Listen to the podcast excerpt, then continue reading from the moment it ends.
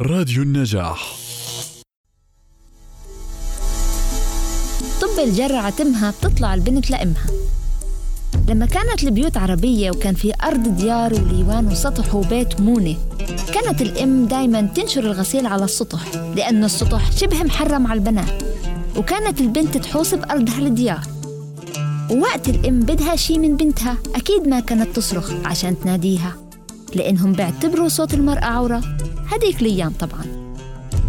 مشان هيك كان في دايما جرة على السطح لما الأم بدها تنادي البنت كانت تقلب الجرة وتطبها على تمها كان يطلع صوت من اصطدام الجرة بالأرض ولما بتسمع البنت هذا الصوت بتعرف إنه أمها بدها منها إشي وبتطلع لعندها.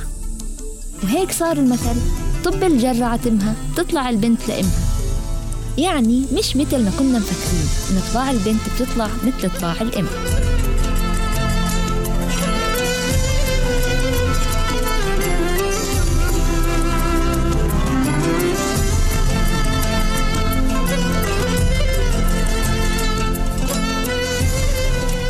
الصديق وقت الضيق. A friend in need is a friend indeed. فما كل من تهواه يهواك قلبه ولا كل من صافيته لك قد صفى.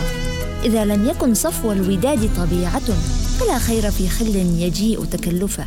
سلام على الدنيا إذا لم يكن بها صديق صادق الوعد منصفا.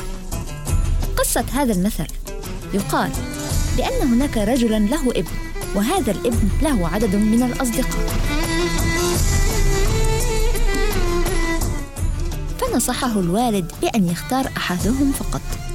لأن هؤلاء الأصدقاء قد لا ينفعون عند الحاجة إليهم لكن الإبن غضب وقال هؤلاء أصدقاء مخلصون ومدحهم وهم مثل أصدقائك يعني والده. فقال الوالد سوف نعمل امتحانا لأصدقائنا. وفعلا قام الوالد وذبح خروفا وطبخه وجهزه وذهب إلى أول أصدقاء الولد ليلا وطرق الباب. فخرج وسلم فقال الوالد إن صديقك جاء عنده ابن الجيران وحصل بينهما مشادة فقتله ونريدك أن تذهب معنا للنظر بالأمر. فقال ليس بصديقي ولا أعرفه. فذهب إلى الثاني والثالث والرابع فقال الولد انتهينا. اذهب إلى أصدقائك يعني الوالد.